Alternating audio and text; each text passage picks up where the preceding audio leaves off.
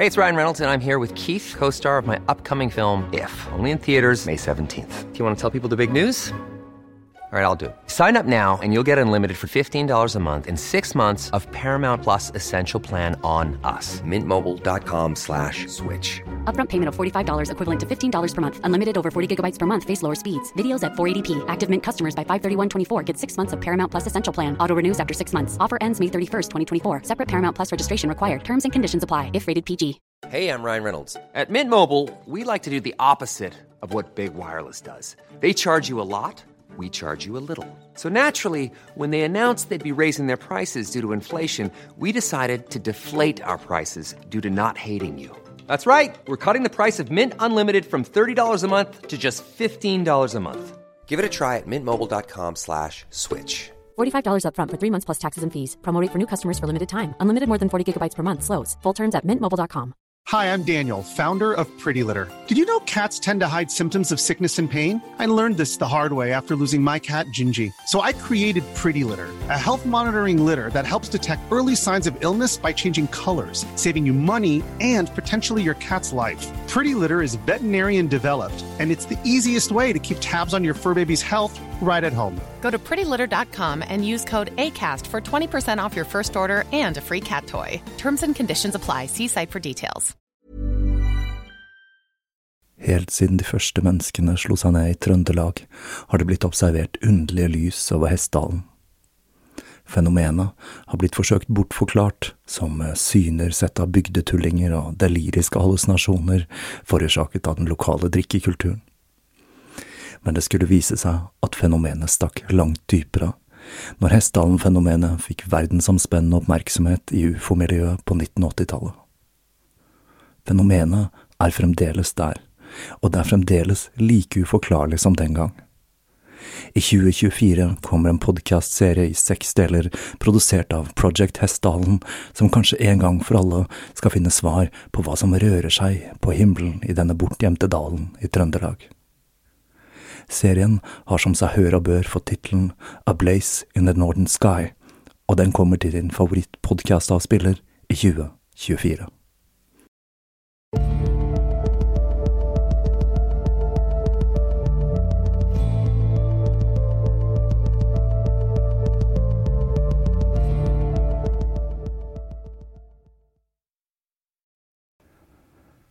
Hei og velkommen til eh, Tåkeprat. Jeg heter Even, og når jeg tar opp denne episode 176, er det onsdag den 24. november 2021. Jeg var litt usikker på om jeg skulle snakke om det, men jeg gjør det allikevel. Nylig mistet vi en av norsk musikk sine store personligheter når Hans Erik Huseby, eller Hank von Helvete, gikk bort den 19. november. Jeg skal ikke si noe særlig om den saken, for det er mange som kjente ham som har gjort det bedre enn hva jeg kan. Men jeg vil bare si at jeg husker det første musikalske møtet med Hank, som var i kjellerstua til en kompis hvor jeg hørte sjutommeren med I Got Direction for første gang. Det representerte et musikalsk og visuelt uttrykk som var nytt for oss der vi satt i vår lille undergrunns metallboble i 1995. Og lite visste jeg den gang at frontfiguren til dette punkbandet etter hvert skulle bli en folkekjær figur, og at Turboneger skulle bli et internasjonalt fenomen. Så kjent faktisk at selv streite kollegaer visste hvem det ble referert til om man snakket om Hank von Helvete. Jeg hadde selv aldri gleden av å møte Hank, men fra de jeg har møtt som har gjort det, så har jeg ikke hørt annet enn at han rett og slett var en skikkelig bra fyr, men også en som hadde sine demoner. Og så la jeg det være med det. Jeg vet at det er flere blodfans av Turboneger som hører på denne podkasten, og jeg følte at det var på sin plass å vise respekt for en norsk storhet som forlot oss altfor tidlig. Kunsten hans vil i hvert fall leve evig. Og da tror jeg bare vi skal begi oss i kast med dagens episode. Nå skal vi tilbake til Irak og se litt nærmere på perioden da Saddam Hussein ble en viktig figur i det irakiske politiske landskapet.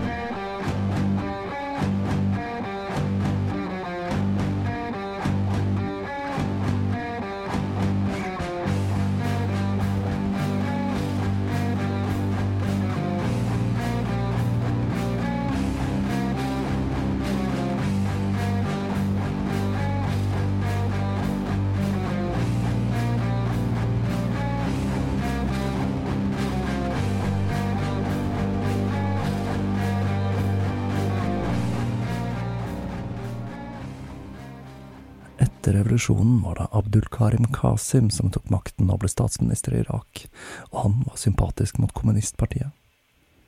Innen våren 1959 var det åpenbart at Batistpartiet ville ha liten makt i det nye Irak, og med det begynte de å planlegge et attentat mot statsministeren.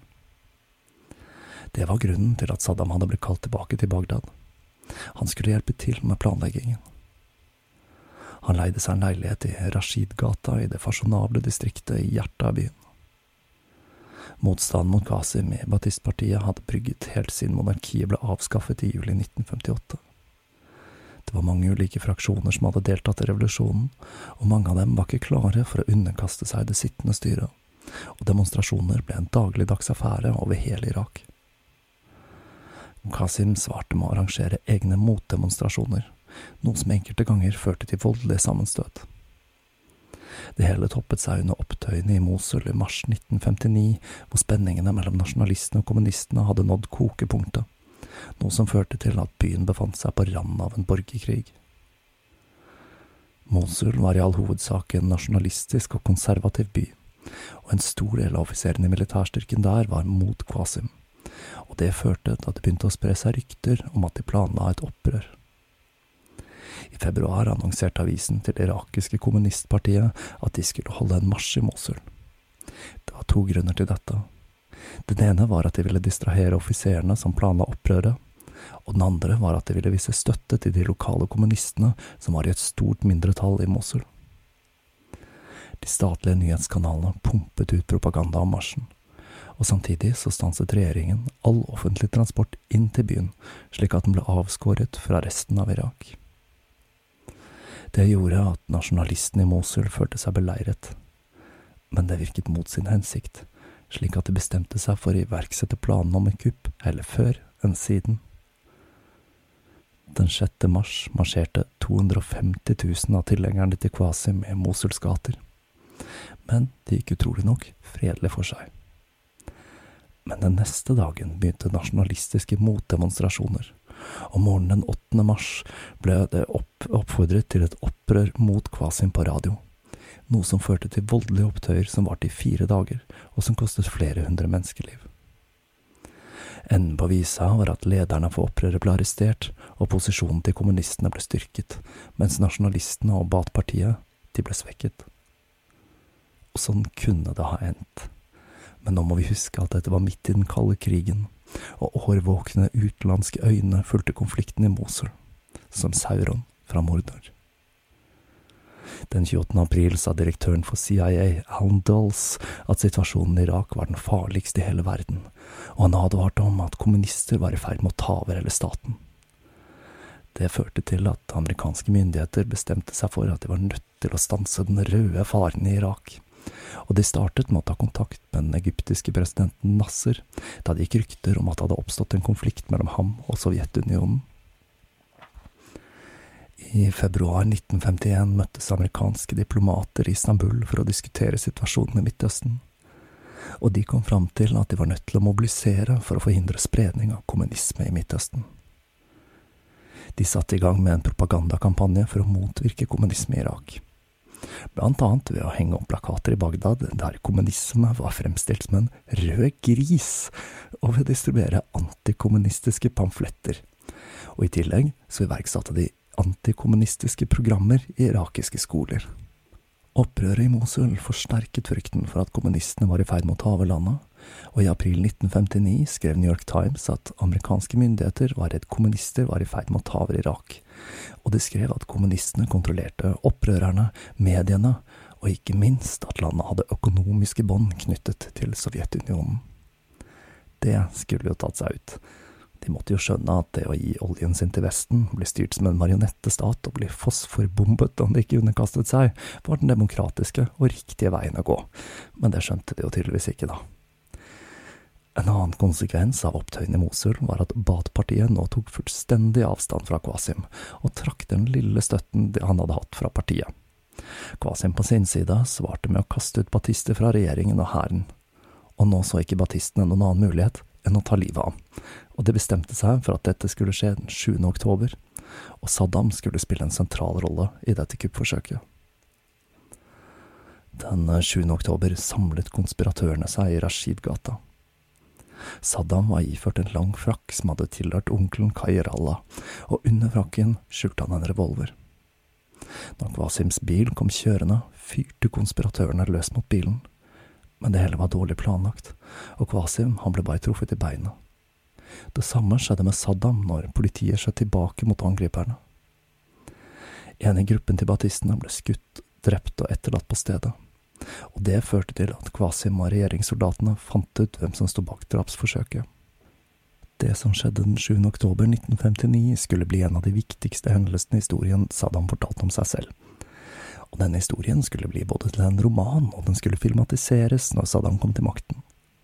Han skulle villig fortelle om hendelsen til journalister og forfattere, og han skulle til og med arrangere et eget spill, der man gjentok hans senere så berømte svømmetur over Tigris under flukten. Det gjør at det er litt vanskelig å lage et helt korrekt bilde av hva som skjedde den 7. oktober så jeg blir nok bedt nødt til å servere dere Saddams versjon av hva som skjedde. Men det kan jo tenkes da at det ikke var så veldig langt fra sannheten. Selv sa han at verken bøkene som ble skrevet, eller filmene som ble laget om flukten, kunne gjengi hvor dramatisk det hele faktisk var. Saddam ble altså skutt i beinet, men alt han kunne tenke på, var hvordan han kunne hjelpe resten av konspiratørene med å rømme fra åstedet. Han klarte å føre dem tilbake til fluktbilen, men til tross for skaden i beina så dro de ikke til sykehuset, da de visste at de kom til å bli arrestert om de dro dit. De dro til skjulestedet sitt, og det var en av de andre som fikk i oppgave å fjerne kulen fra beinet med et barberblad og en pinsett. Og smerten, den var så intens at Saddam besvimte. Han var redd for at de kom til å bli oppdaget, så han dro hjem til onkelen Kairallah, og der fikk han høre at alle de andre hadde blitt arrestert, og at en av dem hadde tystet så Saddam brant alle bilder han kunne finne av seg selv og de andre konspiratørene før han flyktet. Og kun en kvarter etter han hadde dratt, så stormet politiet huset til onkelen. Saddam flyktet til huset til en slektning i utkanten av Bagdad hvor han tilbrakte natten. Den neste dagen kledde han seg ut som en irakisk bonde, og han tok en taxi til veien som førte til Tikrit. Der kjøpte han seg en hest, og han begynte ferden mot hjembyen. Den første natten tilbrakte han med en gruppe beduiner. Den andre sov han på bakken. Den tredje natten kommer han over et beduinbryllup, noe som førte til at han fikk seg et godt måltid. Den neste dagen ble han stoppet av en gruppe regjeringssoldater med maskingevær, men han klarte å overbevise dem om at han kun var en lokal beduin. Når han kom fram til ferjeleiet hvor han skulle ta ferja over til Tikrit, var det så sent på kvelden at ferja alt hadde gått. Han var redd for at han kom til å bli arrestert om han ble værende, så han bestemte seg for å svømme. Han slapp hesten fri, surret klærne sammen til en bylt, og med kniven mellom tenna svømte han over elva. Og nå skal vi koste på oss en beskrivelse fra en av biografiene hans. Bare Gud vet hvem som ga ham den overmenneskelige styrken i de kritiske timene mens han kjempet mot smerten i beinet og vekten av bylten med klær som var gjennomtrukket av vann som hele tiden truet med å trekke ham med seg under overflaten. Men han var sta, kjempet mot bølgene og sto imot dem på deres verste mens han klamret seg til livet med ren viljestyrke. Han nektet å gi opp, han nektet å dø. Når han kom i land på den andre bredden, søkte han ly i en liten hytte før han tok seg til huset til moren. Broren hans tok kontakt med det lokale Bat-partiet, og han fikk hjelp av to medlemmer til å flykte til Syria, hvor han oppholdt seg et par måneder før han dro videre til Kairo. Denne historien skulle som sagt bli gjenfortalt i mange forskjellige versjoner, og være med på å underbygge myten Saddam ønsket å skape om seg selv, som en av folket, en som hadde dype røtter både hos bondestanden og hos beduinene og attentatforsøket ble fremstilt som et stort personlig offer, der han satte alt på spill for sitt kjære Irak. Saddam levde et anonymt liv i eksil i Kairo, hvor han tok fatt på videregående og brukte fritiden på å spille sjakk og lese. I en alder av 24 gjorde han ferdig grunnskolen, og han ble immatrikulert ved universitetet i Kairo. Men han droppet raskt ut for å bruke all tiden sin på politikk. Egypt under Nasser var svært lærerikt for Saddam, og selv om de hadde en del politiske motsetninger, så sa han senere at han ble sterkt inspirert av Nassers arabiske eksperiment. Saddam meldte seg inn i det lokale Baath-partiet, hvor han ble utnevnt til regionsleder, og tiden som ikke gikk med til sjakk og bøker, brukte han på politisk undergrunnsarbeid. Så ble han forlovet med Saja, som vi husker var datteren til onkel Kahirala og hans kusine. Studentforbundet i Kairo de organiserte en fest for å feire forlovelsen, og Saddam pyntet seg for anledningen. For han, i likhet med sin onkel, var nemlig svært opptatt av å kle seg fint. Så selv om han levde på et beskjedent studentstipend, så var han alltid korrekt antrukket, og han ble tidlig bevisst på hvordan han skulle te seg foran et kamera. Saddam hadde altså klart å flykte, men det forhindret ikke irakiske myndigheter fra å ha en rettssak mot ham. 57 batister ble beskyldt for å stå bak angrepet, 17 ble henrettet, og Saddam han ble funnet skyldig og dømt til døden absentia.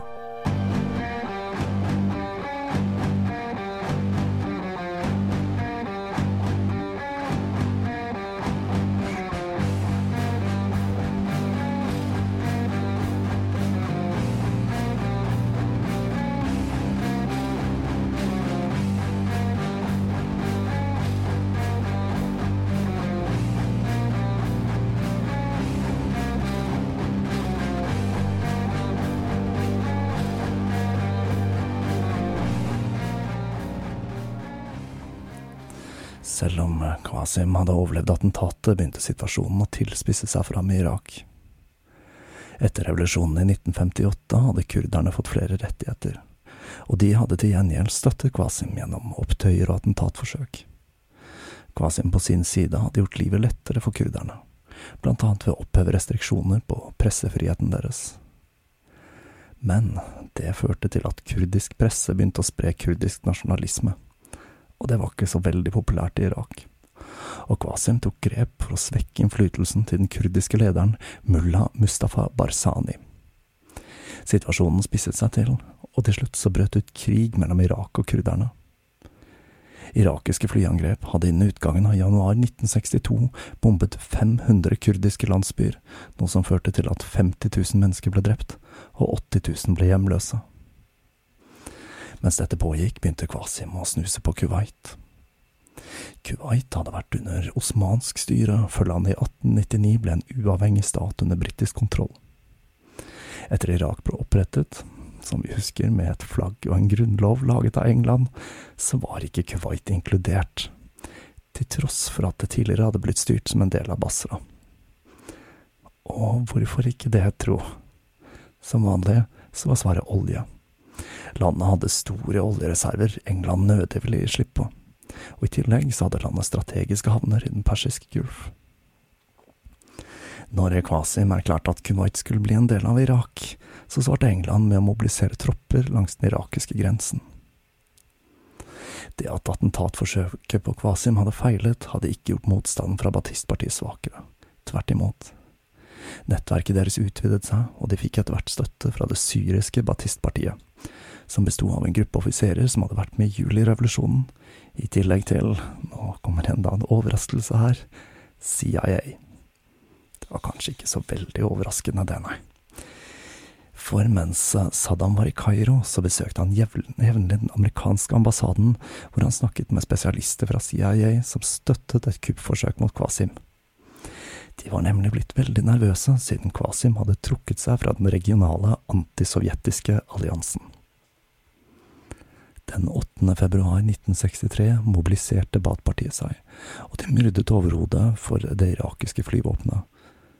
Ledet av Hassan al-Baker med støtten fra tilhengerne i Tikrit, flere offiserer og ikke minst onkelen til Saddam, gikk de til angrep på Forsvarsdepartementet hvor Kvasim hadde barrikadert seg. Kampene pågikk i to dager før opprørerne til slutt vant. De arresterte Kvasim og dømte ham til døden, hvorpå han ble henrettet med maskingevær. Liket ble filmet, og bilder av det ble sendt på irakisk fjernsyn før det ble dumpet i en umerket grav.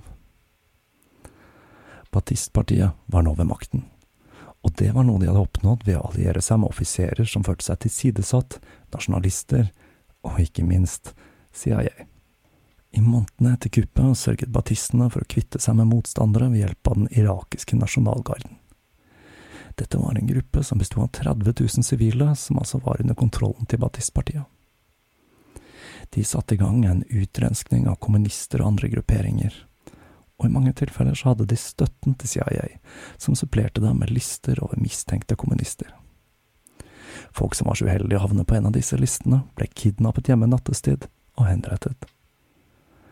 Hvor mange som ble drept på denne måten er ikke kjent, og tallene varierer fra noen hundre til titusenvis. Vi kan jo gjette på at dette dreide seg om ganske mange tusen mennesker. I det nye irakiske styret var det Det nasjonale rådet til den revolusjonære kommandoen, NCEC, som bestod av batister samt noen nasjonalistiske offiserer som satt ved makten. Abdul Salam Arif, som var en av lederne under julirevolusjonen, ble utnevnt til president, og Baker, batisten fra Tikrit, ble både visepresident og statsminister. I mars gjennomførte det syriske Bat-partiet et kupp og med Baath-styrt regjering både i Irak og Syria så det lyser ut med tanke på et pan-arabisk selvstyre, og Nasser og Egypt inngikk en samarbeidsavtale med Syria og Irak. Men interne konflikter i Bat-partiet skulle snart sørge for at denne drømmen om regnbuer og enhjørninger aldri skulle bli en realitet. Saddam fikk selvsagt snart nyss om hva som hadde skjedd i hjemlandet, og to uker etter kuppet satte han kursen tilbake til Bagdad for å gifte seg med Sarja. Paret etablerte seg i et beskjedent hjem i Ragiba Khatun-distriktet i byen, og ikke lenge etter var Sarja gravid med deres første barn, Uday, som er en karakter som etter hvert skulle få hva vi vel må kunne kalle et litt frynsete rykte.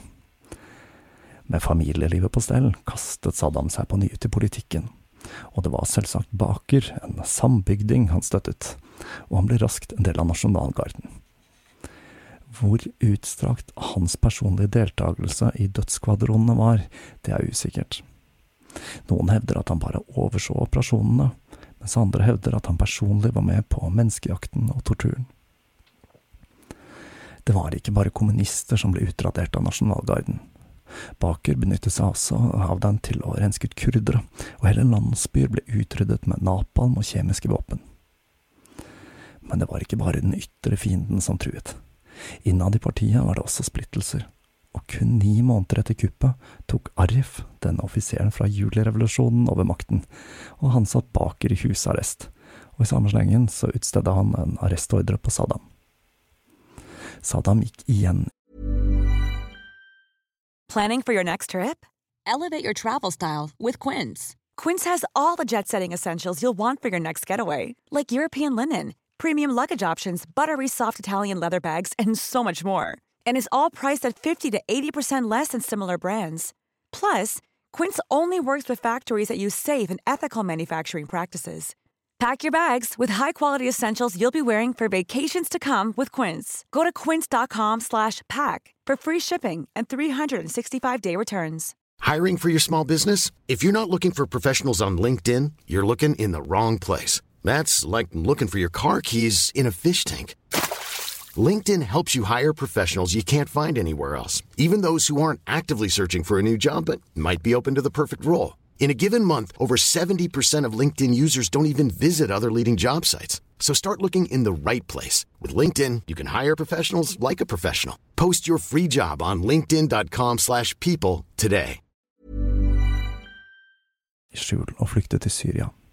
hvor han under et partimøte ble utnevnt som Iraks regionale kommandant. Etter det dro han tilbake til Bagdad, hvor han fortsatte det politiske arbeidet i hemmelighet. Han begynte å planlegge et attentat mot Arif. Planen var mange attentater her, altså. Milde. Planen var å bombe presidentpalasset med hjemmelagde bomber, men planen ble avslørt, og igjen måtte Saddam gå i dekning. Myndighetene hadde klart å nøste opp i komplottet, og flere av de involverte ble arrestert. En av disse tilsto, og han fortalte hvor Saddam skjulte seg. Og like etter ble huset han var i, omringet av politi, og han innså at dersom han gjorde motstand, så ville det hele kun ende med at han ble drept. Så han overga seg. Saddam ble kastet i fengsel, og der fikk han igjen tid til favorittfritidssysselen sin, lesing. Og det var mens han var i fengsel han blant annet leste alt som var skrevet av Ernst Hemingway. Når han ikke var isolat, så brukte han tiden på å snakke med de andre innsatte, og på et tidspunkt arrangerte han en sultestreik for å bedre forholdene for de innsatte. Sajja besøkte ham ukentlig. Livet var ikke så enkelt for henne nå som mannen var fengslet, og hun ble kastet ut av huset sammen med alle eiendelene deres, og så seg nødt til å flytte inn sammen med faren. Når hun var på besøk i fengselet, hadde hun med sønnen, og hun brukte klærne hans til å smugle inn beskjeder fra Bat-partiet til Saddam. Den 23. juli, mens Saddam ble fraktet fra rettslokalet til fengselet, klarte han å overtale vaktene til å stoppe på restauranten La Gondola. Saddam gikk på do og snek seg ut av vinduet, hvor han ble hentet av medsammensvorne. Atter en gang levde Saddam i skjul, og sammen med Baker planla han hvordan de skulle gripe an situasjonen. Sommeren 67 brøt ut krig mellom Israel og Egypt, Syria og Jordan. Irak sendte 12 000 soldater til Jordan, hvor israelske og irakiske tropper hadde trefninger, noe som førte til at det israelske luftforsvaret bombet en base i Irak. Krigen endte med et arabisk nederlag, og Israel okkuperte hva vi vel må kunne kalle for de vanlige stedene, som Golanhøyden, Vestbredden og deler av Jerusalem. Irak nektet å godta en våpenhvile, og i protest mot amerikansk støtte til Israel kuttet de alle diplomatiske bånd, og ikke minst oljeforsyningen. Krigen hadde ikke stoppet planene om atter et kuppforsøk, og den 17. juli 1968 dro en gruppe batister til presidentpalasset, og blant dem var Saddam Hussein, som for anledningen satt på toppen av en tanks iført militæruniform.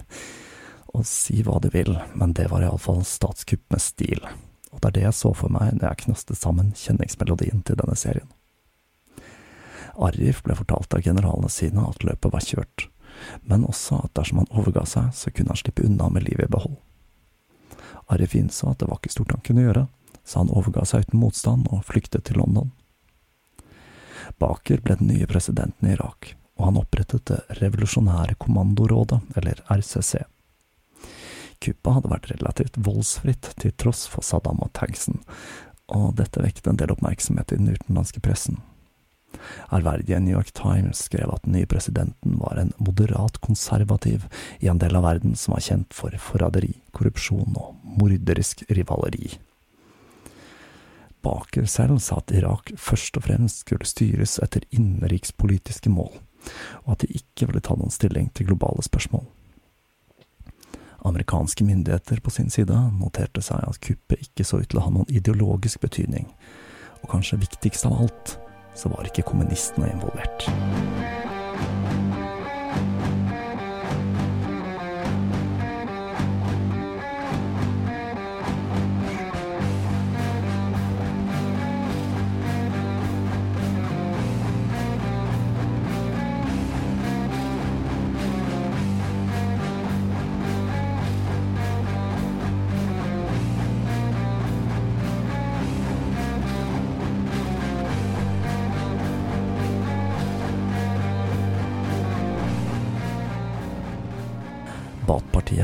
Baath-partiet en nasjonalsosialistisk politikk som ville gjøre staten til et kapitalistisk byråkrati, hvor de, som et lederparti, skulle guide Iraks befolkning gjennom en overgangsperiode til ren sosialisme.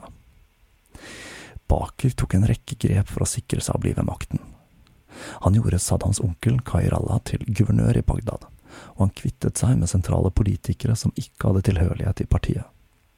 Han sørget også for at det revolusjonære kommandorådet besto av sunnimuslimer fra Bagdad og Tikrit. I løpet av de neste ti årene skulle Saddam jobbe i Bakers skygge, og med det styrke sin egen posisjon i Irak og partiet.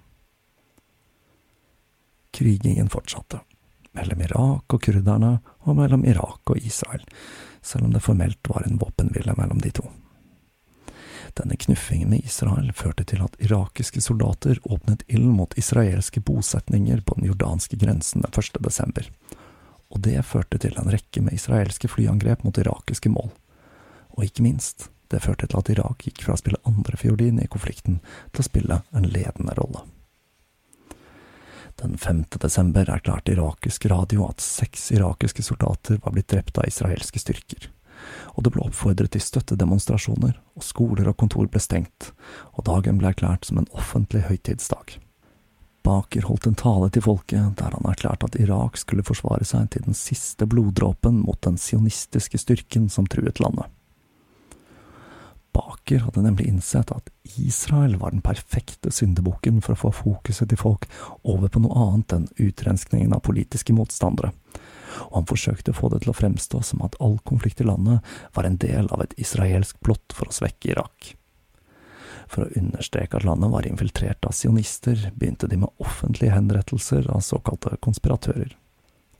Den 14. desember erklærte irakiske myndigheter at de hadde oppdaget et israelsk spionnettverk som var backet av CIA, og de kringkastet hva som visstnok var tilståelsen til en irakisk soldat og en advokat som hadde vært involvert i komplottet.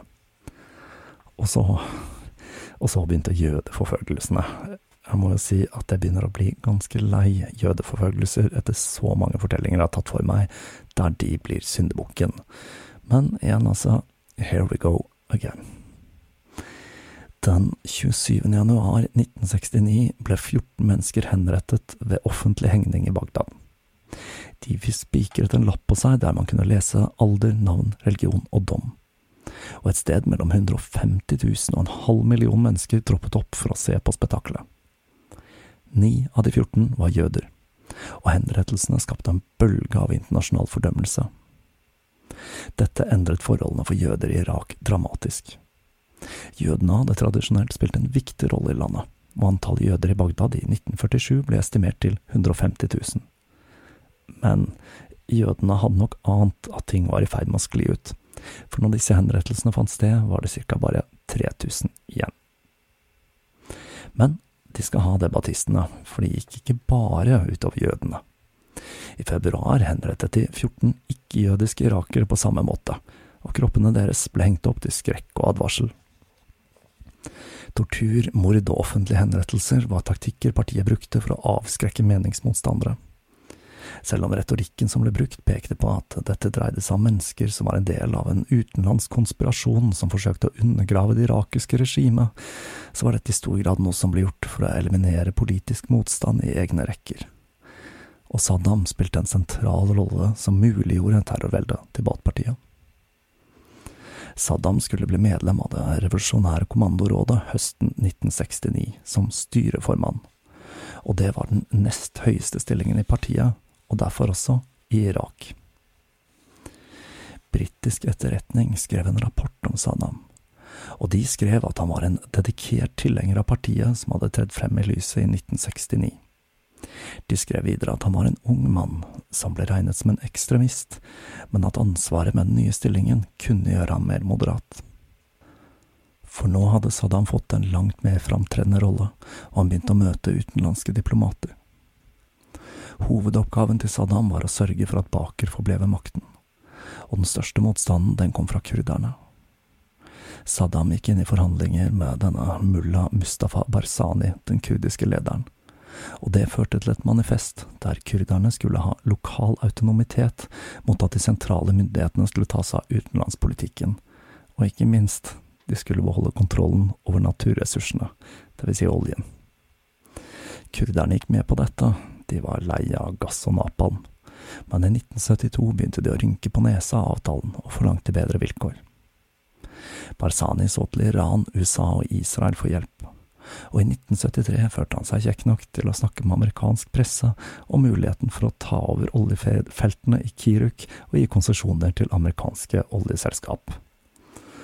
Og det førte til at irakiske fly igjen bombet kurdiske mål. Så forsøkte ministeren for innenrikssikkerhet, Nasem Kasar, seg på et kupp, men han feilet, og Baker og Saddam brukte kuppforsøket for alt det var verdt. Et tjuetalls politimenn ble henrettet sammen med Kasar, og han var perfekt å legge skylda på for all volden som hadde vært, som offentlige hengninger og slikt, slik at de kunne fremstille seg som mer moderate både nasjonalt og internasjonalt men i det internasjonale samfunnet begynte man å sakte, men sikkert å innse at Baker slett ikke var så moderat som man først hadde trodd. Og med henrettelsen av Qasar hadde Baker og Saddam sikret seg et enda sterkere grep om Irak. Saddam skulle stige enda høyere i gradene når han i 1976 ble utnevnt til general av Baker. Saddam kom altså til makten ved hjelp av familie og med rå makt, mens han dyrket fram et bilde av seg selv som en partimann og en politisk tenker. Rollen som tenker og teoretiker er en vi ser tydelig i de mange talene han holdt for politikere, lærere, kvinnegrupper, ungdomsorganisasjoner og statsansatte på 70-tallet. Disse talene ble publisert, og bare i 1978 ble tre millioner kopier av talene hans trykket og distribuert. I disse talene kan vi tydelig se hvordan Saddam ønsket å forme det irakiske samfunnet med batismen som en revolusjonær ideologi. Det store og endelige målet var at ideologien etter hvert skulle spre seg utover Iraks landegrenser, og bli en måte de arabiske landene kunne bygge seg et sosialistisk styresett og bekjempe utenlandsk imperialisme. For å oppnå dette var det essensielt at batismen stakk seg så dypt inn i det irakiske samfunnet som det var mulig å få til, og for å få til det måtte han nå ut til ungdommen. Så han opprettet den irakiske ungdomsføderasjonen, som igjen besto av ulike divisjoner. Vi fant divisjoner som Pionerene, Fortroppen og Ungdommen, fordelt etter ulik alder. Fortroppen, som besto av barn fra 10 til 15, inkluderte begge kjønn, og de gjorde i det store og det hele akkurat det samme som Hitlerjungen gjorde, eller Speideren, da, for å ta et litt mildere eksempel, som idrett, vitenskapsprosjekter og kulturelle aktiviteter. Medlemmene gikk i uniformer, og de måtte sverge en ed ved inntak. Batistene gjorde også sitt for å endre utdanningssystemet, ved ikke bare å drive propaganda for batistenes sak, men også ved å fortelle verdenshistorien fra et arabisk ståsted, noe som vel må kunne sies å være innafor i den arabiske verden. Og alle lærere ble pålagt å studere, studere ideologien til Batistpartiet. Barna lærte at det ikke fantes noen minoriteter eller majoriteter i landet. Alle var irakere. Det høres jo kjekt ut, det, men her kommer jo kurderne inn i bildet, da. Det ble fortalt at det å bruke ordet kurder i seg selv var nedsettende. Obligatorisk skolegang hadde blitt innført i Irak i 1958, men dette ble ikke gjennomført før på 1970-tallet. For partistene de innså at analfabetisme var et stort problem dersom landet skulle vokse til å bli en viktig politisk stormakt. I 1978 igangsatte Saddam en massiv kampanje for å bli kvitt analfabetisme, og alle irakere mellom 15 og 45 fikk 15 måneder på å lære seg å lese og skrive. De som ikke kunne eller ikke ville, de ble straffet med høye bøter eller fengsel. UNESCO og FN ble så imponert over suksessen til dette programmet at de fra 1980 til 1991 delte ut Irak-prisen til individer eller organisasjoner som hadde kjempet mot analfabetisme. Det er det som gjør at hele denne batbevegelsen er veldig interessant. For her er det små gullkorn å spore mellom all volden. For eksempel så begynte de å støtte kvinnefrigjøring i Irak. Saddam innså at halve befolkningen besto av kvinner, og at de aldri ville kunne utnytte nasjonens fulle potensial dersom de ble satt på utsiden. Og med det fikk irakiske kvinner utdanne seg, og det ble en del av arbeidsstokken. Og de fikk til og med viktige statlige posisjoner. Men samtidig så mente Saddam at kvinners viktigste oppgave var som mødre til den nye generasjonen med revolusjonære. Men denne batistiske kvinnefrigjøringen gjorde at Saddam fikk et rykte som progressiv i enkelte internasjonale kretser. I perioden hvor Saddam var nestkommanderende i Irak, lærte han mye om diplomati. Han brukte mer og mer tid som Iraks ansikt utad og han inviterte utenlandske journalister til palasset sitt, hvor han underholdte dem med enkle middager, akkompagnert av dyr whisky og cubanske sigarer. Journalistene som ble invitert til disse uformelle samtalene, ble sett på som heldige fordi de fikk muligheten til å kikke inn i det ellers så lukkede batistregimet. Saddam på sin side brukte anledningen til å vippe det politiske landskapet i sin favør. Kurderne fikk støtte fra Iran i sine krav på oljereservene og Saddam fortalte journalisten om hvor viktig oljen var for å kunne bygge en moderne teknologisk stat i Irak. I 72 hadde Saddam undertegnet en samarbeidsavtale med Sovjetunionen, der de hadde lovet å stille med teknologi og kunnskap for å hjelpe til med oljeproduksjonen. Men Saddam var en luring. Han virket satse alt på én part i den kalde krigen. Men det var litt tricky å handle med Vesten, da Irak nasjonaliserte oljeproduksjonen i 72, og de med det hadde brutt alle bånd til vestlige oljeselskap. Den første Saddam rakte ut hånda til, det var Frankrike, og dette ble starten på en samarbeidsavtale der Frankrike skulle få kommersielle fortrinn i Irak, mot at Irak fikk våpen og annen teknologi. Den avtalen skulle etter hvert utvides, og i 75 gikk Frankrike og Iran inn i en samarbeidsavtale om utvikling av kjernekraft. Saddam hadde gjort det godt, men han var ikke fornøyd med kun å ha Sovjet og Frankrike som samarbeidspartnere. Irak hadde kuttet alle diplomatiske bånd med USA og England, men Saddam visste hvordan han skulle bruke pressen til sin fordel og med hjelp av engelske og amerikanske aviser fikk han fram budskapet om at Irak ikke var interessert i å ta del i den kalde krigen, men at de ønsket relasjoner både med øst og vest for å kunne bygge landet. I disse intervjuene fremsto han som en sofistikert, velkledd mann med sans for stil, og det virket. USA hadde altså ingen ambassade i Irak, men via kontakter i den belgiske ambassaden klarte de å lande en 300 millioner dollar stor avtale med Boeing om bygging av jumbojeter, samt kontrakter for drift og vedlikehold. Og det åpnet porten til samarbeid med Vesten. Og ikke lenge etter klarte han å etablere handelsavtaler med England, Vest-Tyskland og Japan, i tillegg til Sovjet, Frankrike og USA. Og så var det kurderne, da. Men den floka løste seg når Iran og Irak underskrev en fredsavtale i 1975. Kurderne ble tilbudt amnesti om de valgte å overgi seg. Men det var ikke alle som gjorde det, før den irakiske hæren startet en offensiv som gjorde mellom 250 og 300 000 kurdere hjemløse. I løpet av et tiår hadde Saddam Hussein, som Iraks nestkommanderende, klart å løse konflikten med Iran, knekke kurdisk motstand og påtatt seg en pro-Palestina-rolle i Israel-Palestina-konflikten. Han hadde etablert handelsavtaler som sikret ham og Irak muligheten til å implementere en 20 milliarder dollar stor femårig plan for å utvikle Irak til et batistisk utopia. Og ikke minst, han hadde klart å fremforhandle avtaler om kjøp av våpen, ikke bare fra Sovjetunionen, men også fra England, Italia, Frankrike og Spania. Mens 70-tallet dro mot slutten, hadde han også klart å tegne et bilde av seg selv som den sigarrøykende, moderate og selvskrevne lederen av den arabiske verden.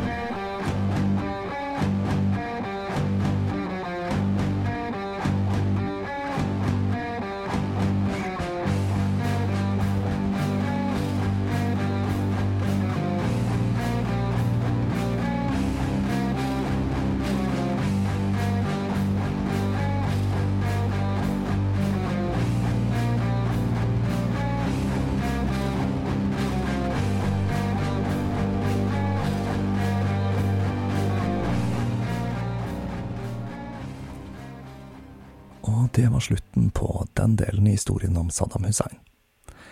Jeg håper at det ikke ble for mye politikk for dere i denne delen, men jeg følte at det var viktig å gjenfortelle historien om det politiske landskapet i Irak, slik det var når Saddam Hussein sin rolle begynte å ta form. Så får vi se, da, om det blir noe av Saddams utopiske, høyteknologiske batiststat. Nå er det snart kvelden for meg her, men før jeg runder av, så vil jeg starte med å takke dere som har donert via VIPS. I forrige episode gjorde jeg dere oppmerksomme på at dette er mulig, og det er tydeligvis noe jeg burde ha gjort før, for det er kommet inn en god del bidrag via den kanalen den siste uka. Så takk for det, og jeg kommer til å legge ved Vipps-koden til Tåkeprat i episodene framover. Den er 621533 for de av dere som fikk lyst til å kaste dere rundt og gi et lite bidrag med en gang. 621533. Og så vil jeg selvsagt takke alle dere patrons. Det er flere av dere som nå kan smykke dere med fine titler som Selator eller Abdeptus Minor, så takk igjen. Dere er ryggraden til skuta som er tåkeprat. Og helt til sist så vil jeg takke deg som hører på. Det er du som gjør at jeg kverner videre med denne podkasten uke etter uke og år etter år. Og ja, det er også sant. Jeg gjorde min debut for NRK Radio siste uke, i anledning datoen for massakren i Jonestown. Det var ganske artig, og det gjør vel at jeg nå kan titulere meg selv som ekspert. Det er muligens bedre enn influenser. Vi høres igjen om ikke lenge.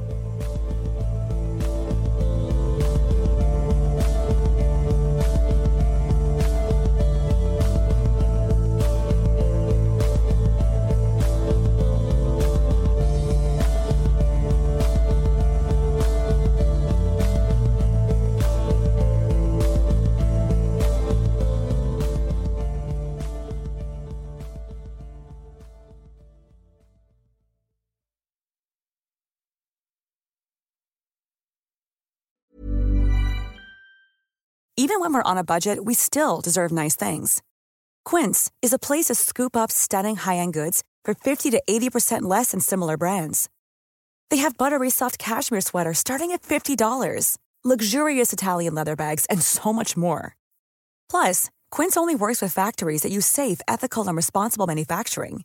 Get the high-end goods you'll love without the high price tag with Quince. Go to quince.com/style for free shipping and 365-day returns.